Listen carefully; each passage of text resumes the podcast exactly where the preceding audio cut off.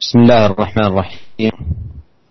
الحمد لله رب العالمين وأشهد أن لا إله إلا الله وحده لا شريك له وأشهد أن محمدا عبده ورسوله صلى الله وسلم عليه وعلى آله وأصحابه أجمعين. أما بعد هذا باب باب في من سن سنة حسنة أو سيئة. هذا الباب الذي عقده الإمام النووي رحمه الله باب عظيم في الحث على اتباع السنة المأثورة عن النبي عليه الصلاة والسلام ومن ثم الدعوة إليها ونشرها بين الناس. وحث أيضا على تجنب البدع والأعمال السيئة والبعد عنها وأيضا في الوقت نفسه تحذير الناس منها. وفي هذا الباب يبين رحمه الله خطورة من يسن في الإسلام وبين الناس سننا سيئة وفي الوقت نفسه أيضا يبين فضيلة من يدعو إلى سنة النبي الكريم صلوات الله وسلامه وبركاته عليه. أورد أولا قول الله سبحانه وتعالى والذين يقولون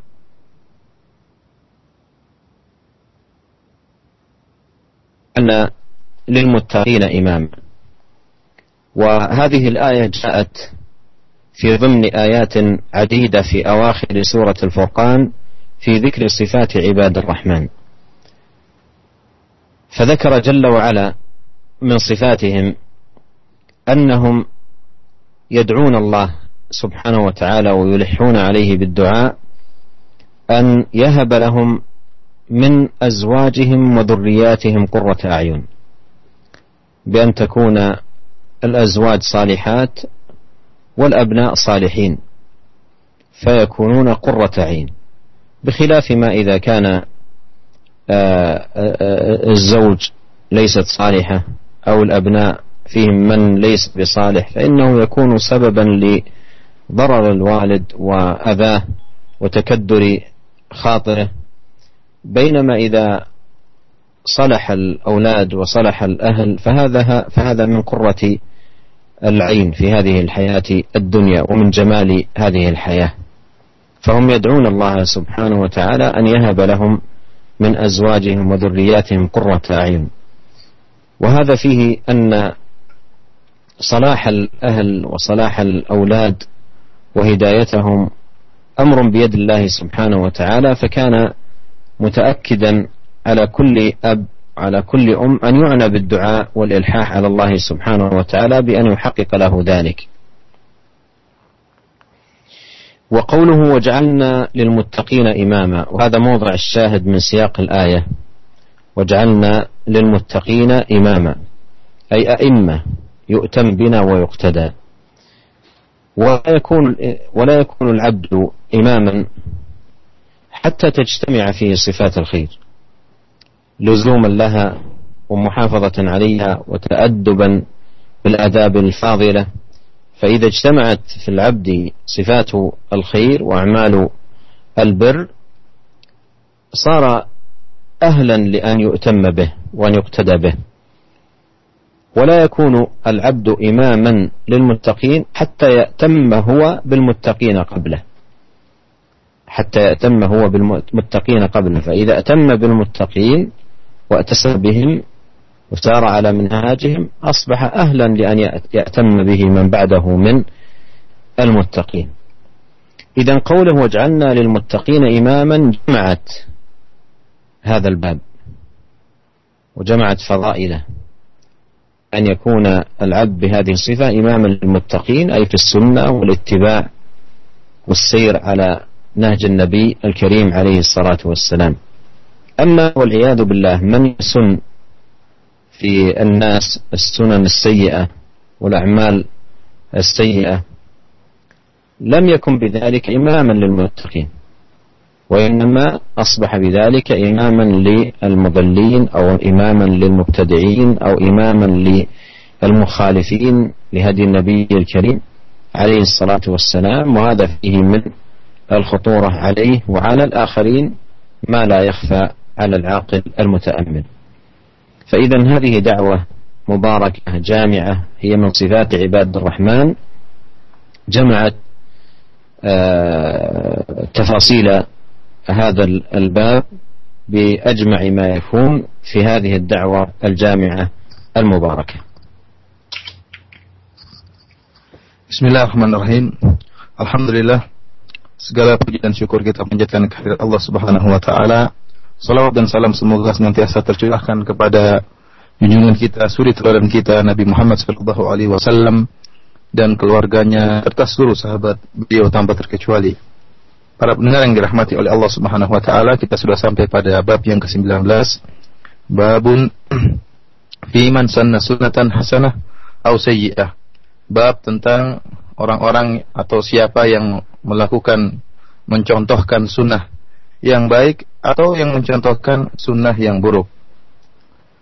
Bab ini uh, yang dibuat oleh Al Imam Nawawi rahimahullah merupakan Eh, atau judul bab yang dibuat oleh Imam Nawawi rahimahullah ini merupakan pembahasan yang sangat penting ya yang mendorong kita untuk mengikuti sunnah Nabi Shallallahu Alaihi Wasallam dan selain itu selain mengikuti sunnah Nabi Shallallahu Alaihi Wasallam juga ada motivasi dorongan untuk berdakwah kepada sunnah Nabi Shallallahu Alaihi Wasallam dan menyebarkan sunnah Nabi Shallallahu Alaihi Wasallam di masyarakat. Dalam waktu yang sama, Uh, Imam Nawawi rahimahullah juga mengingatkan akan uh, bahayanya bid'ah ya, dan juga pentingnya memperingatkan masyarakat dari bahayanya bid'ah. Hal ini menunjukkan akan bahayanya orang yang melakukan sunnah yang buruk, memberi contoh sunnah yang buruk di kalangan masyarakat, ya. Dan hal ini juga menunjukkan akan keutamaan orang yang menghidupkan sunnah dan menyeru kepada sunnah Nabi Shallallahu Alaihi Wasallam. Al Imam Nawawi rahimahullah membuka bab ini dengan firman Allah Subhanahu Wa Taala, "Walladzina yaquluna Rabbana hab lana min azwajina wa dzurriyyatina qurrata a'yun waj'alna lil muttaqina imama." Yang artinya yaitu orang-orang yang mereka berkata, "Wahai Rabb kami, anugerahkanlah kepada kami ya dari istri-istri kami dan dari anak-anak keturunan kami ya yang bisa menyejukkan pandangan kami dan jadi sebagai imam pemimpin bagi orang-orang yang bertakwa. Ayat ini termaktub dalam surat Al-Furqan tatkala Allah Subhanahu wa taala menyebutkan tentang sifat ibadur rahman, sifat hamba-hamba Allah ya yang beribadah dan bertakwa kepada Allah Subhanahu wa taala. Mereka memiliki sifat-sifat yang indah, sifat-sifat yang mulia. Di antara sifat-sifat mereka yang dijelaskan oleh Allah Subhanahu wa taala dalam surat Al-Furqan yaitu bahwasanya mereka berdoa dengan doa ini. Mereka berdoa kepada Allah Subhanahu wa taala dan mereka merengek dengan penuh harapan berdoa kepada Allah Subhanahu wa taala minta agar Allah Subhanahu wa taala menganugerahkan kepada mereka istri yang solehah dan minta kepada Allah Subhanahu wa taala agar Allah menganugerahkan kepada mereka anak-anak yang soleh. Oleh karenanya mereka berdoa, "Hablana Rabbana hablana min azwajina wa dhurriyyatina qurrata a'yun." Ya Allah anugerahkanlah kepada kami ya yang bisa menunjukkan pandangan kami dari istri-istri kami dan juga dari anak-anak keturunan kami. Ya. Allah menamakan dengan qurrata ayun yaitu zaujah yang salehah, istri yang salehah dan anak-anak yang saleh. Mereka lah yang menyejukkan hati orang tua mereka. Istri yang soleh lah yang menyejukkan hati suaminya, menyejukkan pandangan suaminya. Berbeda jika seorang mendapati istrinya tidak solehah, istrinya tidak soleh, tidak bertakwa kepada Allah Subhanahu wa taala dan juga mendapati anak-anaknya nakal, tidak soleh, tidak taat kepada kedua orang tuanya, tentunya hal ini akan ya akan merusak kehidupannya, akan mengganggu ketentraman kehidupannya di dunia ini. Oleh karenanya pantaslah jika ibadur rahman, hamba-hamba Allah yang bertakwa kepada Allah, mereka merengek dan berdoa kepada Allah Subhanahu wa taala agar dianugerahkan oleh Allah Subhanahu wa taala istri-istri yang solehah dan juga anak-anak yang solehin. Dari sini kita ketahui para pendengar yang dirahmati oleh Allah Subhanahu wa taala bahwasanya kesolehan seorang istri dan kebaikan atau solehnya anak-anak semuanya di tangan Allah Subhanahu wa taala. Ya. Oleh karenanya penting kita berdoa kepada Allah Subhanahu wa taala karena Allah lah yang menentukan mereka soleh atau tidak. Kita berusaha mendidik, kita berusaha mengajari, akan tapi jangan lupa bahwasanya sebab utama anak-anak menjadi soleha dan juga istri menjadi soleha, anak-anak menjadi anak-anak yang soleh, yang taat, yang baik, istri menjadi istri yang soleha yaitu dengan berdoa kepada Allah Subhanahu wa taala. Al Imam rahimahullah membawakan ayat ini ya. Beliau e, maksud dari ayat ini yang tujuan akan kita bahas dalam ayat ini yaitu eh, firman Allah atau doa mereka waja'alna lil muttaqina imama. Ya Allah, jadikanlah kami menjadi pemimpin orang-orang yang bertakwa. Imam yaitu pemimpin yang dicontoh, yang diteladani. Dan tidak mungkin seorang hamba menjadi imam, menjadi pemimpin, menjadi teladan, kecuali jika dia telah mengumpulkan sifat-sifat yang baik, melakukan amalan-amalan kebajikan. Jika dia sudah melakukan amalan-amalan kebajikan, maka dia pantas untuk dicontohi, pantas untuk diteladani. Dan tidak mungkin seorang menjadi imam, menjadi pemimpin teladan yang baik, kecuali jika dia telah mengikuti orang-orang yang bertakwa yang sebelumnya. Ya, dia mencontohi orang-orang yang bertakwa sebelumnya. Oleh karenanya firman Allah Subhanahu wa taala, "Wa ja'alna lil muttaqina imama." Jadikanlah kami orang-orang yang pemimpin bagi orang-orang yang bertakwa. Ini mengumpulkan sifat-sifat tersebut. Ya, seorang imam pemimpin yang menjadi teladan bagi orang-orang yang bertakwa yang sebelumnya juga dia telah meneladani orang-orang yang bertakwa sebelumnya sehingga dia menjadi imam ya dalam sunnah Nabi Shallallahu Alaihi Wasallam. Dia menjadi uh, uh, teladan dalam mencontohi sunnah Nabi Shallallahu Alaihi Wasallam dan dia berjalan di atas sunnah Nabi Shallallahu Alaihi Wasallam. Ini maksud tujuan Imam Nawawi membawakan ayat ini, mengingatkan bahwasanya seorang hendaknya menjadi imam dalam sunnah Nabi Shallallahu Alaihi Wasallam. Seorang imam, pemimpin, teladan harus berjalan di atas jalannya Rasulullah Shallallahu Alaihi Wasallam di atasnya manhaj Rasulullah sallallahu alaihi wasallam.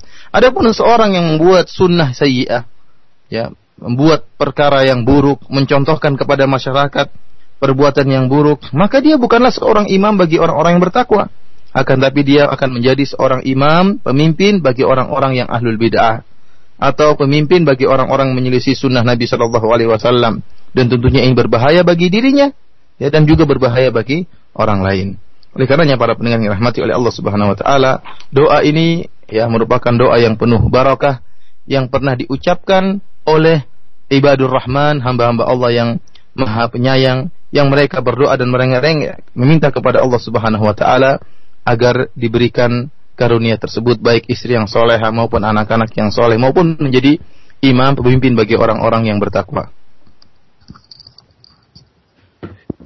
ثم أورد رحمه الله قول الله سبحانه وتعالى في سورة السجدة وجعلنا منهم أئمة يهدون بأمرنا لما صبروا وكانوا بآياتنا يوقنون. وهذه الآية أيضا جامعة في هذا الباب باب السنة الحسنة بحيث يكون العبد إماما للمتقين في أعمال البر ومجالات الخير. ولا يكون العبد كذلك إلا إذا اجتمعت فيه أربعة صفات ذكرت في هذه الآية. الأولى في قوله الأولى والثانية في قوله يهدون بأمرنا. فالأولى هي الهداية بدعوة الناس والاجتهاد في نصحهم وتوجيههم ودلالتهم إلى الخير وهدايتهم إلى أبواب البر. والثانية البصيرة وذلك في قوله بأمرنا فهم دعاة على بصيرة لا ليسوا دعاة على جهل لأن الدعاة على جهل هم الذين ينشأ أو تنشأ على أيديهم البدع والخرافات. أما الدعاة على بصيرة فهم لا يعلمون الناس إلا السنة والحق والهدى بدليله من كتاب الله وسنة نبيه عليه الصلاة والسلام. ولهذا ولهذا قال يهدون بأمرنا لا أنهم يهدون بأهوائهم أو آرائهم أو عقولهم أو تخرصاتهم أو غير ذلك وإنما يهدون بأمر الله. والمراد بأمر الله أي شرعه ودينه الذي أنزله على رسوله صلوات الله وسلامه عليه. وأمارة هؤلاء صلتهم بالكتاب والسنة. فإذا استدل قال قال الله أو قال قال رسوله صلى الله عليه وسلم. وهذا هو الدين. الدين قال الله قال رسوله صلى الله عليه وسلم. والصفة الثالثة الصبر. قال لما صبروا؟ الصبر بأنواعه الثلاثة على طاعة الله وعن معصية الله وعلى أقدار الله المؤلمة. فهم تحلوا بالصبر في الامتثال للمأمور وتحلوا بالصبر في تجنب المحظور وتحلوا أيضا بالصبر في الصبر على المقدور الأمور التي قدرها الله سبحانه وتعالى وكتبها على عباده. والصفة الرابعة اليقين وكانوا بآياتنا يوقنون. واليقين هو انتفاء الشك وزوال الريب. إنما المؤمنون الذين آمنوا بالله ورسوله ثم لم يرتابوا. فإذا اجتمعت هذه الصفات الأربع في عبد كان إماما للمتقين. قال تعالى وجعلنا منهم أئمة يهدون بأمرنا لما صبروا وكانوا بآياتنا يوقنون Kemudian Imam Nawawi rahimahullah membawakan ayat berikutnya yaitu dari uh, surat Sajdah di mana Allah Subhanahu wa taala berfirman waja'alna waja'alnahum a'immatan yahduna bi amrina waja'alna minhum a'immatan yahduna bi amrina lamma sabaru wa kanu bi ayatina yuqinun yang artinya uh, yaitu menjadikanlah di antara mereka dan kami jadikan di antara mereka para imam, para pemimpin yang mereka memberi petunjuk dengan perintah kami dan mereka bersabar serta mereka yakin penuh dengan keyakinan. Para pendengar yang dirahmati oleh Allah Subhanahu wa taala, ayat ini juga merupakan ayat yang mengumpulkan sifat-sifat yang hendaknya dimiliki oleh seorang yang dikatakan sebagai teladan atau pemimpin yang menyuruh kepada sunnah Nabi Shallallahu Alaihi Wasallam. Seorang hamba tidak mungkin menjadi seorang pemimpin bagi orang-orang yang bertakwa, yaitu menjadi pemimpin dalam sunnah Nabi Shallallahu Alaihi Wasallam, kecuali dia telah memenuhi empat sifat yang disebutkan dalam ayat ini. Yaitu Allah Subhanahu Wa Taala berfirman, waja'alna minhum a'immata bi amrina lamma sabaru wa kanu bi ayatina yuqinun. Ya. Dan kami jadikan di antara mereka imam-imam yang mereka yahduna bi amrina, yang mereka memberi petunjuk kepada masyarakat dengan perintah kami. Adapun sifat yang pertama dan sifat kedua. Jadi ayat ini menunjukkan akan empat sifat yang harus dimiliki oleh seorang pemimpin yang di atas sunnah Nabi Shallallahu Alaihi Wasallam. Dua sifat pertama diambil dari firman Allah Subhanahu Wa Taala, yahduna bi amrina, aimmatan yahduna bi amrina. Yaitu para imam-imam yang mereka, para pemimpin yang mereka memberi petunjuk kepada masyarakat dengan perintah kami yaitu mereka memberi hidayah, memberi petunjuk, memberi pengarahan kepada uh, masyarakat menuju kepada jalan-jalan kebaikan. Ya. Ini sifat yang pertama. Mereka memberi penjelasan kepada masyarakat, pengarahan kepada masyarakat agar masyarakat masuk ke dalam pintu-pintu kebaikan, pintu-pintu kebajikan. Kemudian mereka berdakwah di atas basirah. Kita bisa ambil dari firman Allah Subhanahu wa taala bi amrina. Mereka memberi pengarahan dengan perintah kami. Artinya mereka adalah para dai yang di atas basirah, di atas ilmu. Karena para dai yang berdakwah di atas kebodohan, di atas kejahilan, dari mereka itulah timbul penyimpangan. Karena kebodohan mereka tersebutlah timbul bid'ah-bid'ah dan khurafat-khurafat. Adapun para dai yang mereka menyeru dengan perintah Allah Subhanahu wa taala di atas syariat Allah Subhanahu wa taala, maka merekalah yang menjelaskan kepada masyarakat tentang sunnah. Mereka yang menjelaskan tentang jalan-jalan kebaikan mereka setia berdakwah menggunakan dalil dari Al-Quran maupun dari Sunnah Nabi Shallallahu Alaihi Wasallam. Karena firman Allah bi amrina di atas perintah kami yaitu syariat Allah Subhanahu Wa Taala yang Allah turunkan kepada Nabi Shallallahu Alaihi Wasallam. Ciri-ciri para dai tersebut, ya, mereka tidaklah berdakwah kecuali di atas Al-Quran dan Sunnah. Setiap mereka berdakwah, mereka menyampaikan suatu pengarahan, mereka mengatakan qala Allah wa qala Rasul. Allah berfirman dan Rasulullah SAW bersabda, itu ciri-ciri mereka. Adapun para dai yang jahil, ya mereka tidak jauh mereka dari Al-Quran dan Sunnah yang mereka timbulkan hanyalah khurafat, hanyalah bid'ah yang tidak ada dalam landasannya dari Al-Quran maupun Sunnah. Adapun sifat ketiga dan sifat keempat, Sifat yang ketiga dari firman Allah Subhanahu wa taala, "Lamma sabaru." Ya, mereka bersabar. Ya, dai hendaknya mereka yang menjadi para imam, mereka hendaknya bersabar. Sabar dengan bentuk tiga kesabaran yang dijelaskan oleh Allah Subhanahu wa taala, yaitu sabar dalam menjalankan ketaatan kepada Allah Subhanahu wa taala, mereka menghias akhlak mereka dengan kesabaran dalam menjalankan ketaatan kepada Allah Subhanahu wa taala. Kemudian mereka juga menghiasi diri mereka dengan ketaatan dengan kesabaran dalam menjauhkan diri mereka dari kemaksiatan. Karena menjauhkan diri dari kemaksiatan butuh kesabaran. Sebagaimana untuk bisa taat kepada Allah butuh kepada kesabaran, demikian juga menjauhkan diri dari kemaksiatan dan godaan juga butuh dengan kesabaran. Dan sabar bentuk yang ketiga yaitu e, mereka menghiasi diri mereka dengan kesabaran tatkala mereka menghadapi cobaan-cobaan cobaan-cobaan, musibah-musibah yang menyakitkan mereka. Adapun sifat yang keempat yaitu yakin. Allah Subhanahu wa taala berfirman, "Wa kanu bi ayatina yuqinun." Dan mereka yakin dengan ayat-ayat kami. Yang dimaksud dengan yakin yaitu hilangnya keraguan, ya, hilangnya kebimbangan, yakin dengan janji-janji Allah Subhanahu wa taala. Innamal mu'minuna alladzina amanu billahi wa rasulihi thumma lam yartabu kata Allah Subhanahu wa taala sungguhnya orang-orang yang beriman mereka yang beriman kepada Allah Kemudian apa? Sumalam yartabu. Kemudian mereka tidak ragu. Tidak ragu dalam keimanan mereka. Inilah sifat-sifat yang hendaknya dimiliki oleh seorang yang hendak menjadi pemimpin dalam sunnah Nabi Shallallahu Alaihi Wasallam. Oleh karena seorang yang mengaku sebagai teladan dalam sunnah Nabi Wasallam, namun tidak memiliki empat sifat ini, maka tidak benar. Sifat yang harus dia miliki, sebagaimana kita ulang, yaitu hendaknya dia memberi pengarahan kepada masyarakat, berdakwah kepada masyarakat. Yang kedua dia berdakwah di atas ilmu, yang ketiga dia bersabar dalam menjalankan dakwahnya dan ketiga, keempat dia yakin dengan janji Allah Subhanahu wa taala.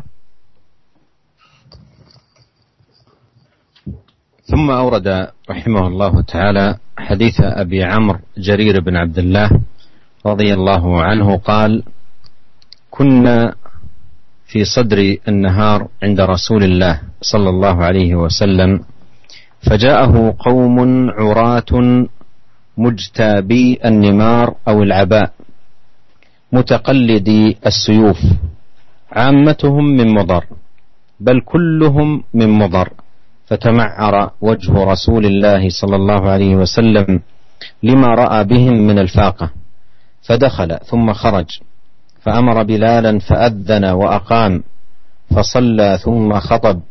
فقال يا أيها الناس اتقوا ربكم الذي خلقكم من نفس واحدة إلى آخر الآية. إن الله كان عليكم رقيبا. والآية الأخرى التي في آخر الحشر يا أيها الذين آمنوا اتقوا الله ولتنظر نفس ما قدمت لغد. تصدق رجل من ديناره من درهمه من ثوبه من صاع بره من صاع تمره حتى قال ولو بشق تمرة. فجاء رجل من الأنصار بصرة كادت كفه تعجز عنها بل قد عجزت. ثم تتابع الناس حتى رأيت كومين من طعام وثياب حتى رأيت وجه رسول الله صلى الله عليه وسلم يتهلل كأنه مذهبة.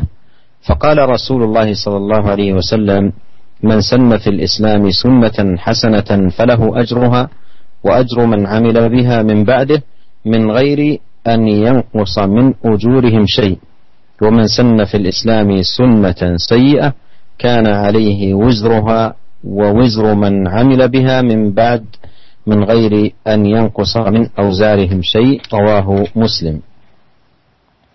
قال رحمه الله قوله مجتابي النمار هو بالجيم وبعد الألف باء موحدة والنمار جمع نمرة وهي كساء من صوف مخطط. ومعنى مجتابيها أي لابسيها قد خرقوها في رؤوسهم. والجوب القطع. ومنه قوله تعالى وثمود الذين جابوا الصخر بالواد أي نحتوه وقطعوه. وقوله تمعر هو بالعين المهملة أي تغير. وقوله رأيت كومين بفتح الكاف وضمها أي صبرتين. وقوله كأنها كأنه مذهبة هو بالذال المعجمة وفتح الهاء والباء الموحدة.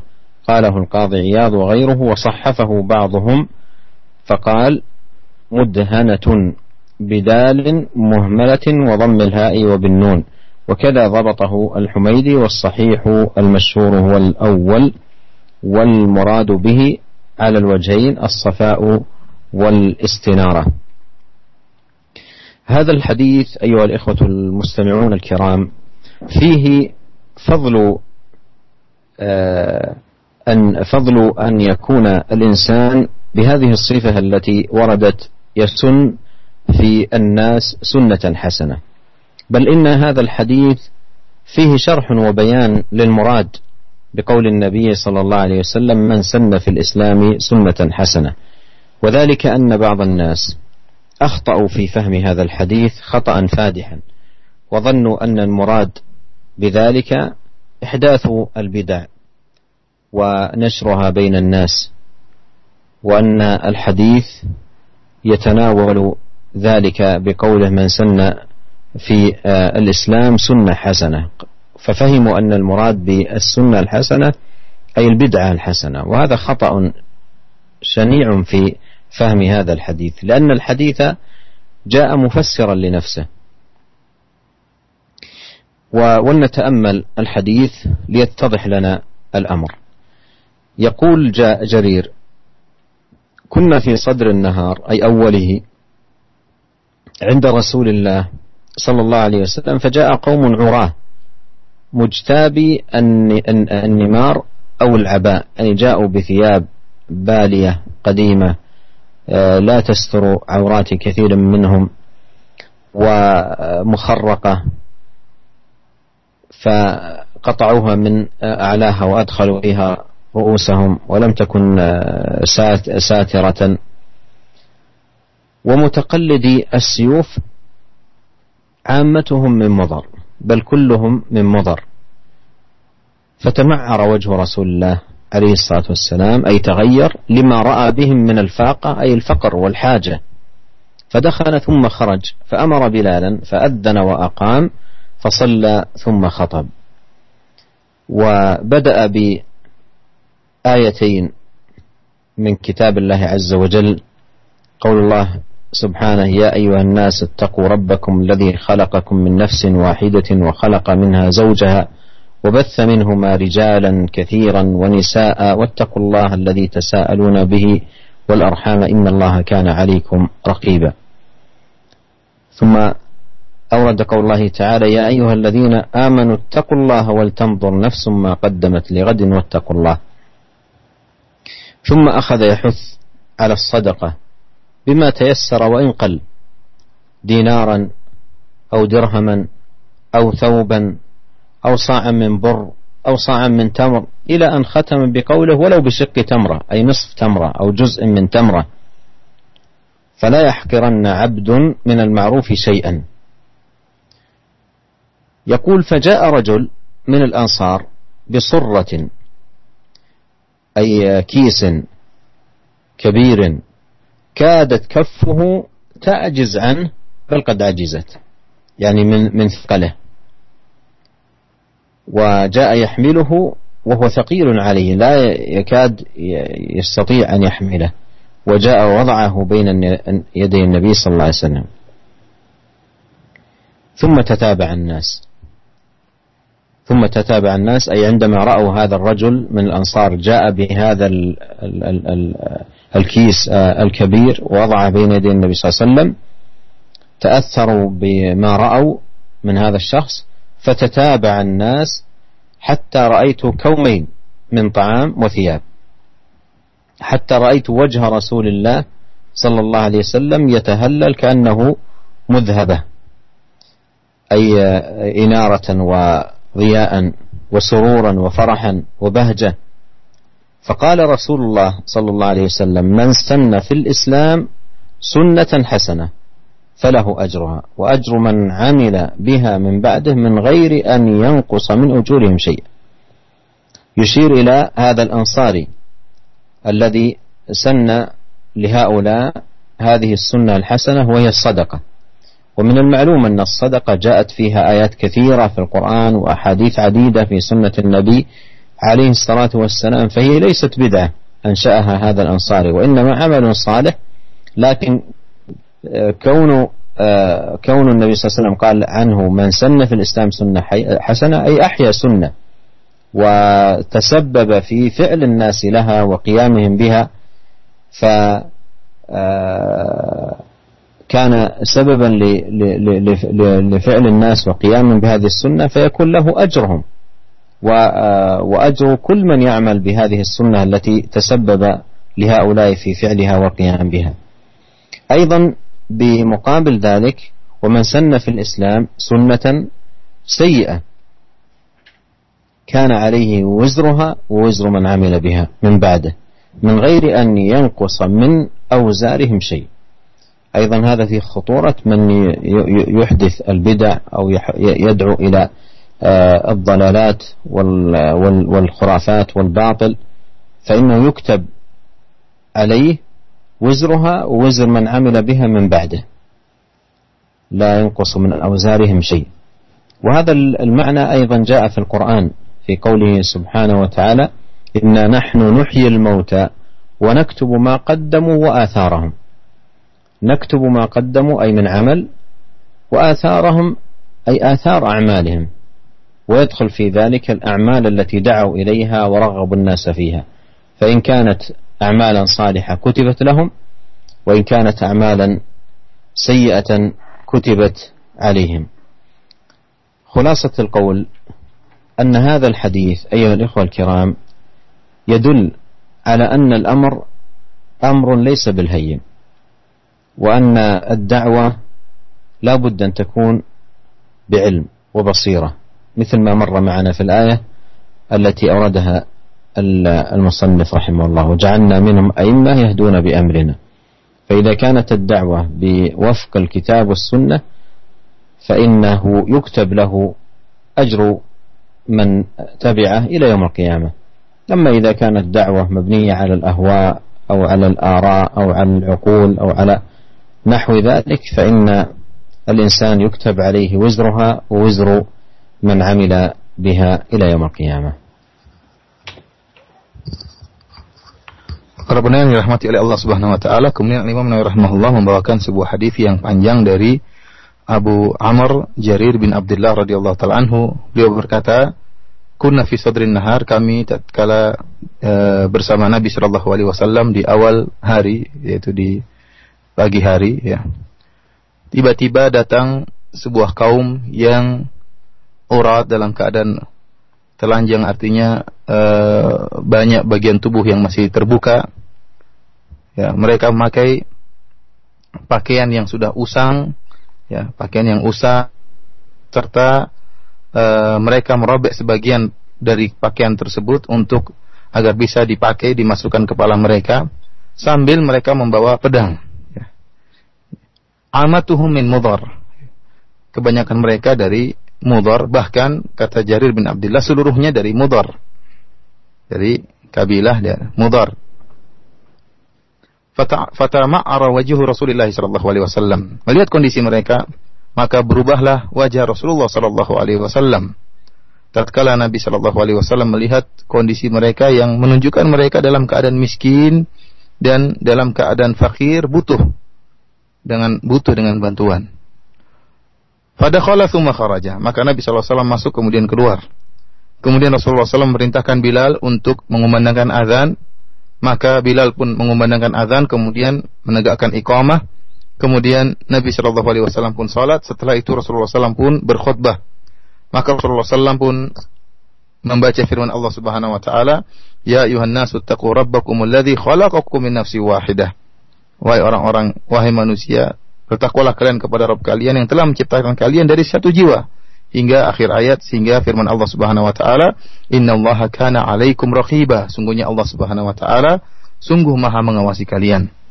Kemudian Rasulullah sallallahu alaihi wasallam dalam khutbahnya juga membaca ayat yang lain yaitu firman Allah Subhanahu wa taala ya ayyuhalladzina amanu taqullaha wal tanzur nafsum ma qaddamat liwat wattaqullah. Wahai orang-orang beriman bertakwalah kalian kepada Allah. Dan hendaknya setiap jiwa melihat apa yang dia lakukan dia amalkan untuk esok, esok hari. Wattaqullah, hendaknya kalian bertakwa kepada Allah Subhanahu wa taala. Kemudian Rasulullah sallallahu alaihi wasallam bersabda, "Tasaddaqa rajulun min dinarihi, min dirhihi, min thawbihi, min sa'i burrihi, min sa'i tamrihi." Hendaknya seorang ya bersedekah dengan dinarnya atau dirhamnya atau dari pakaiannya atau dari e, gandumnya atau dari kormanya sampai Nabi SAW mengatakan dia bersedekah dengan bisyik kitamrah yaitu dari sebagian kormanya. Maka datanglah seorang dari kaum Ansor dengan membawa sekantong ya sekantong makanan ya yang hampir-hampir tangannya tidak mampu untuk mengangkat kantong tersebut bahkan dia tidak mampu untuk mengangkat kantong yang berisi makanan tersebut. Kemudian orang-orang pun ya mengikuti perbuatan orang tersebut kok seorang ansor tadi maka mereka pun segera mengumpulkan ya banyak makanan dan pakaian sehingga kata Jarir bin Abdullah sampai aku pun melihat wajah Rasulullah Shallallahu Alaihi Wasallam berseri-seri seakan-akan wajah beliau ya e, berwarna kuning keemasan karena ceria dan berseri-seri wajah beliau. Kemudian Rasulullah SAW bersabda, Man sanna fil islami sunnatan hasanatan falahu ajruha. Barang siapa yang membuat sunnah e, mencontohkan sunnah dalam Islam dengan sunnah yang baik, maka bagi dia pahala sunnah tersebut. Wa ajru man amila biha. Demikian juga pahala orang yang mengamalkan sunnah tadi setelahnya. Tanpa mengurangi sedikit pun pahala mereka. Dan barang siapa yang melakukan sunnah yang buruk dalam Islam, maka bagi dia dosa yang yang dia dapatkan dan juga dosa orang-orang mengikutinya ya, tanpa mengurangi dosa-dosa orang-orang mengikuti tersebut sama sekali. Para pendengar yang dirahmati oleh Allah Subhanahu wa taala, dalam hadis yang panjang ini menjelaskan tentang keutamaan seorang yang memiliki sifat ini yaitu menghidupkan sunnah Nabi Shallallahu alaihi wasallam, menyebarkan sunnah hasanah di masyarakat sehingga masyarakat mengikuti sunnah yang dia contohkan. Dan hadis ini juga menjelaskan tentang maksud dari sabda Nabi sallallahu alaihi wasallam man sanna islami sunnatan hasanah.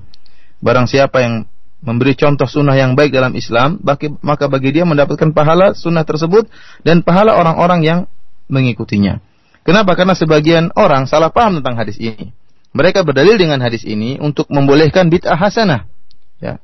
Jadi mereka pahami sabda Nabi man sanna sunnatan hasanah, barang saya membuat sunnah hasanah artinya bid'ah hasanah.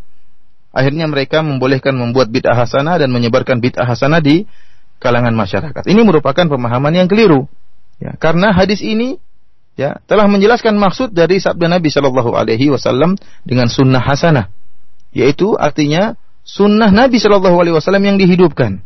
Ya, sebagaimana dalam dalam hadis ini Nabi Shallallahu Alaihi Wasallam menyebutkan tentang sodako. Rasulullah SAW mengatakan tasaddaqa rajulun seorang bersodako. Dan kita tahu bahwasanya sodako merupakan sunnah yang ma'ruf. Sunnah yang disebutkan dalam Al-Quran dalam banyak ayat.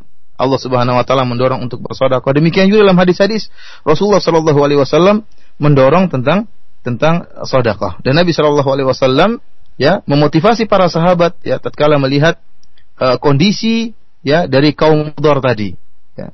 Bagaimana tidak kata Jarir bin Abdullah e, mereka datang sebuah kaum yang mereka menggunakan pakaian yang kumuh, kemudian pakaian yang usang, yang sudah lama, kemudian robek-robek, bahkan sebagian kain tersebut dibelah agar bisa dimasukkan kepala-kepala mereka sambil membawa pedang-pedang mereka. Ini menunjukkan kondisi kaum dari Mudhar ini dalam keadaan fakir, dalam keadaan sangat membutuhkan. Melihat kondisi ini maka berubahlah wajah Nabi Shallallahu Alaihi Wasallam kasihan melihat mereka. Akhirnya Nabi Shallallahu Alaihi Wasallam pun memerintahkan Bilal untuk mengumandangkan azan, kemudian uh, Rasulullah SAW uh, melaksanakan sholat. Setelah itu Rasulullah SAW berkhutbah mengingatkan kepada para sahabat dengan takwa kepada Allah Subhanahu Wa Taala. Ya, kemudian Rasulullah SAW pun mengingatkan tentang pentingnya sodakoh. Kata Nabi SAW, tasaddaq rajulun min dinarihi min dirhamihi. Rasulullah SAW ingin mengingatkan kepada para sahabat bahwasanya hendaknya kalian bersodakoh dengan yang mudah bagi kalian. Dari yang yang dimudahkan oleh Allah. Baik dinar ataupun yang paling ringan seperti bisyik tamrah meskipun kalian bersedekah dengan sebagian dari setengah korma tidak jadi masalah. Rasulullah SAW mengatakan tasaddaqa rajulun min dinarihi seorang bersedekah dengan dinarnya atau dengan dirhamnya atau menyedekahkan pakaiannya atau menyedekahkan gandumnya atau menyedekahkan kormanya. Bahkan Nabi mengatakan walau bisyikit tamrah, meskipun dia bersedekah hanya sedikit, meskipun hanya sebagian dari sebutir korma. Ya. Oleh karenanya seorang hamba janganlah meremehkan ya kebaikan sedikit pun jangan dia remehkan. Jika dia kerjakan karena Allah Subhanahu wa taala maka akan diterima oleh Allah Subhanahu wa taala. Maka setelah itu datanglah seorang dari Ansor ya. Orang ini yang pertama kali dialah yang melaksanakan sunnah hasanah. Melaksanakan sunnah hasanah itu sedekah ya yang sudah dianjurkan dalam Al-Qur'an maupun sunnah-sunnah Nabi. Maka dia pun bawa sekantong ya makanan ya. Dia bawa dengan berat sekali karena kantong tersebut berat sehingga sampai-sampai dia tidak kuat mengangkat kantong tersebut. Kemudian dia meletakkan kantong tersebut di hadapan Nabi Shallallahu alaihi wasallam. Melihat kondisi ini para sahabat ya melihat kondisi yang luar biasa yang dilakukan oleh orang ini sehingga mereka terpengaruh ingin melakukan apa yang dilakukan oleh orang tadi yang dicontohkan oleh orang sahabat Ansor tadi. Maka para sahabat pun segera berbondong-bondong untuk ikut bersedekah. Sampai-sampai terkumpulkan tumpukan makanan dan juga tumpukan pakaian-pakaian. Ya, untuk disedekahkan kepada kaum dari Mudar tadi. Setelah banyak para sahabat mulai bersedekah maka berubahlah wajah Nabi Shallallahu alaihi wasallam. Yang tadinya wajah Nabi berubah melihat kesulitan yang dihadapi oleh kaum dari Mudar tersebut, melihat banyak sodako yang telah dikumpulkan di hadapan Nabi, maka ya tahallalu. Nabi SAW pun ber, wajah beliau berseri-seri, seakan-akan keluar cahaya keemasan dari wajah beliau karena gembiranya beliau melihat apa yang dilakukan oleh para sahabat. Setelah itu Nabi Shallallahu Alaihi Wasallam pun ya menjelaskan tentang keutamaan orang ini kaum ans seorang ansor tadi yang mencontohkan bersodakah. Kata Nabi sallallahu alaihi wasallam, "Man fil Islami sunnatan hasanah falahu ajruha." Yaitu barang siapa yang menghidupkan ahya sunnah, barang siapa yang menghidupkan sunnah yang baik, maka bagi dia pahala sunnah tersebut. Demikian juga orang-orang mengikutinya. Ya, jadi kalau ada orang yang mengikutinya, dia juga akan mendapatkan pahala orang-orang tersebut tanpa mengurangi pahala orang-orang yang mengikutinya. Dan sebaliknya kata Nabi wasallam, "Man sanna fil Islami sunnatan sayyi'ah." Barang siapa yang mencontohkan dalam masyarakat sunnah yang buruk, karena alaihi wizruha, maka dia akan mendapatkan dosa dari sunnah yang buruk tersebut. Wa wizru man amila biha. Dan demikian juga dosa orang-orang yang mengikuti dia setelahnya. Maka berubahlah wajah Nabi Shallallahu alaihi wasallam berseri-seri melihat banyak tumpukan sedekah yang dikumpulkan oleh para sahabat dan Rasulullah SAW mengingatkan barang siapa yang memberi contoh dengan contoh yang buruk maka bagi dia dosa dosa yang dia lakukan dan juga dosa orang-orang yang mengikuti contoh buruk tersebut dan hal ini telah diisyaratkan oleh Al-Quran dalam firman Allah Subhanahu wa taala, "Inna nahnu nuhyil mauta wa naktubu ma qaddamu wa atharahum." Sungguhnya kamilah yang akan menghidupkan orang-orang yang mati dan kami yang mencatat amal kebajikan yang mereka lakukan wa atharahum dan juga dampak dari amalan mereka. Barang siapa yang sebab amalan mereka akhirnya diikuti oleh orang banyak maka akan dicatat oleh Allah Subhanahu wa taala. Dan sebaliknya barang siapa yang melakukan keburukan dan merupakan sebab orang-orang lain mengikuti keburukannya, maka itu pun akan dicatat oleh Allah Subhanahu wa taala. Oleh karenanya para pendengar yang rahmati oleh Allah Subhanahu wa taala, hadis ini menjelaskan tentang pentingnya seorang menghidupkan sunnah Nabi Shallallahu alaihi wasallam dan berdakwah di jalan Allah Subhanahu wa taala menyeru masyarakat kepada sunnah di atas ilmu dan basirah akan berikan pahala yang besar. Orang-orang yang mengikutinya akan dia juga akan mendapatkan pahala dari orang-orang yang mengikutinya. Akan tapi jika dakwah tersebut eh, dibangun bukan di atas sunnah, akan tapi di atas bid'ah, ya bukan di atas syariat Allah, bukan di atas syariat Nabi Shallallahu Alaihi Wasallam, akan tapi di, dibangun di atas ahwa, hawa nafsu, dibangun atas selera, keinginan, gaya, bukan karena syariat Allah Subhanahu Wa Taala, maka dakwah tersebut ingatlah pelakunya akan mendapatkan dosa dan juga orang-orang mengikutinya juga akan mendapatkan dosa sebagaimana karena dia yang menyebabkan mereka mencontohi mencontohinya.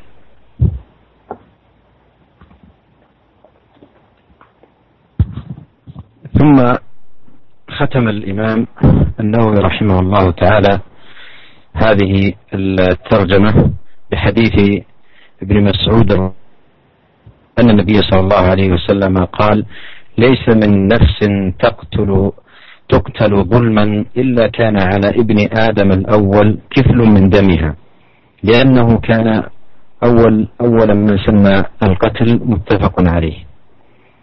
وهذا الحديث فيه خطورة كون الإنسان يسن في الناس سنة سيئة لأنه سيبوء بإثمها وإثم من يعمل بها إلى يوم القيامة لكونه تسبب في ظهور هذه السنة والسيئة وبروزها بين الناس وانتشارها بينهم فيكون له إثم كل عامل بذلك. ومن أوضح الدلائل على ذلك أن النبي صلى الله عليه وسلم أخبر في هذا الحديث أنه ليس من نفس تقتل ظلما. أي على امتداد الزمان إلى يوم القيامة. إلا كان على ابن آدم الأول الذي هو قابيل لما قتل أخاه هابيل كفل من دمها أي حظ ونصيب من دمها لأنه كان أول من سن القتل. فلكونه الأول في سن القتل بين الناس أصبح كل قاتل يقتل آخر ظلما يبوء قابيل بكفل من دم المقتول أي ظلمه بالقتل بسبب آه، كونه أول من سن القتل. فالحديث فيه شاهد على خطورة آه، كون الإنسان والعياذ بالله يسن في الناس آه، سنة سيئة. ونسأل الله الكريم أن يوفقنا أجمعين لكل خير وأن يمن علينا بالعلم النافع والعمل الصالح. إنه سميع قريب مجيب. والله أعلم. وصلى الله وسلم على عبده ورسوله نبينا محمد وآله وصحبه.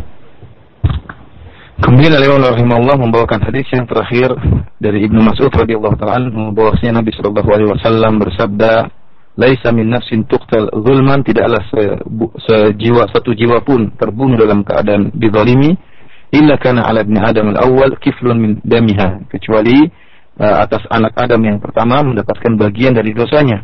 Li'annahu kana awwala man sanna al-qatl, karena dia yang pertama kali mencontohkan pembunuhan. Hadis ini muttafaqun alaih riwayat Imam Bukhari dan Imam Muslim. Para pendengar yang dirahmati oleh Allah Subhanahu wa taala, hadis ini menunjukkan akan bahayanya orang yang mencontohkan sunnah yang sayyi'ah, ya, mencontohkan perbuatan yang buruk, apalagi sampai menyebarkan bid'ah di hadapan di kalangan masyarakat. Ya, jika bid'ah tersebut atau sunnah yang buruk tersebut diikuti oleh masyarakat, maka dia akan mendapatkan memikul dosa orang-orang yang mengikutinya sampai kapan? Sampai hari kiamat. Dan di antara dalil yang paling tegas akan hal ini itu hadis yang tadi kita bawakan bahwasanya tidaklah satu jiwa pun yang dibunuh dalam keadaan dizalimi kecuali anak Adam itu Qabil yang telah membunuh Habil. Si Qabil ini juga akan mendapatkan menanggung dosa karena dialah yang pertama kali memberi contoh pembunuhan. Sehingga siapa saja yang mengikuti perbuatannya sampai hari kiamat ya ya maka dosa-dosanya juga akan dipikul oleh uh, Qabil yang telah pertama kali memberi contoh pembunuhan terhadap saudaranya Habil. Demikianlah para pendengar yang dirahmati oleh Allah Subhanahu wa taala kajian kita pada kesempatan kali ini. Semoga bermanfaat dan semoga kita bisa mengamalkannya. Wabillahi taufiq wal hidayah. Assalamualaikum warahmatullahi wabarakatuh.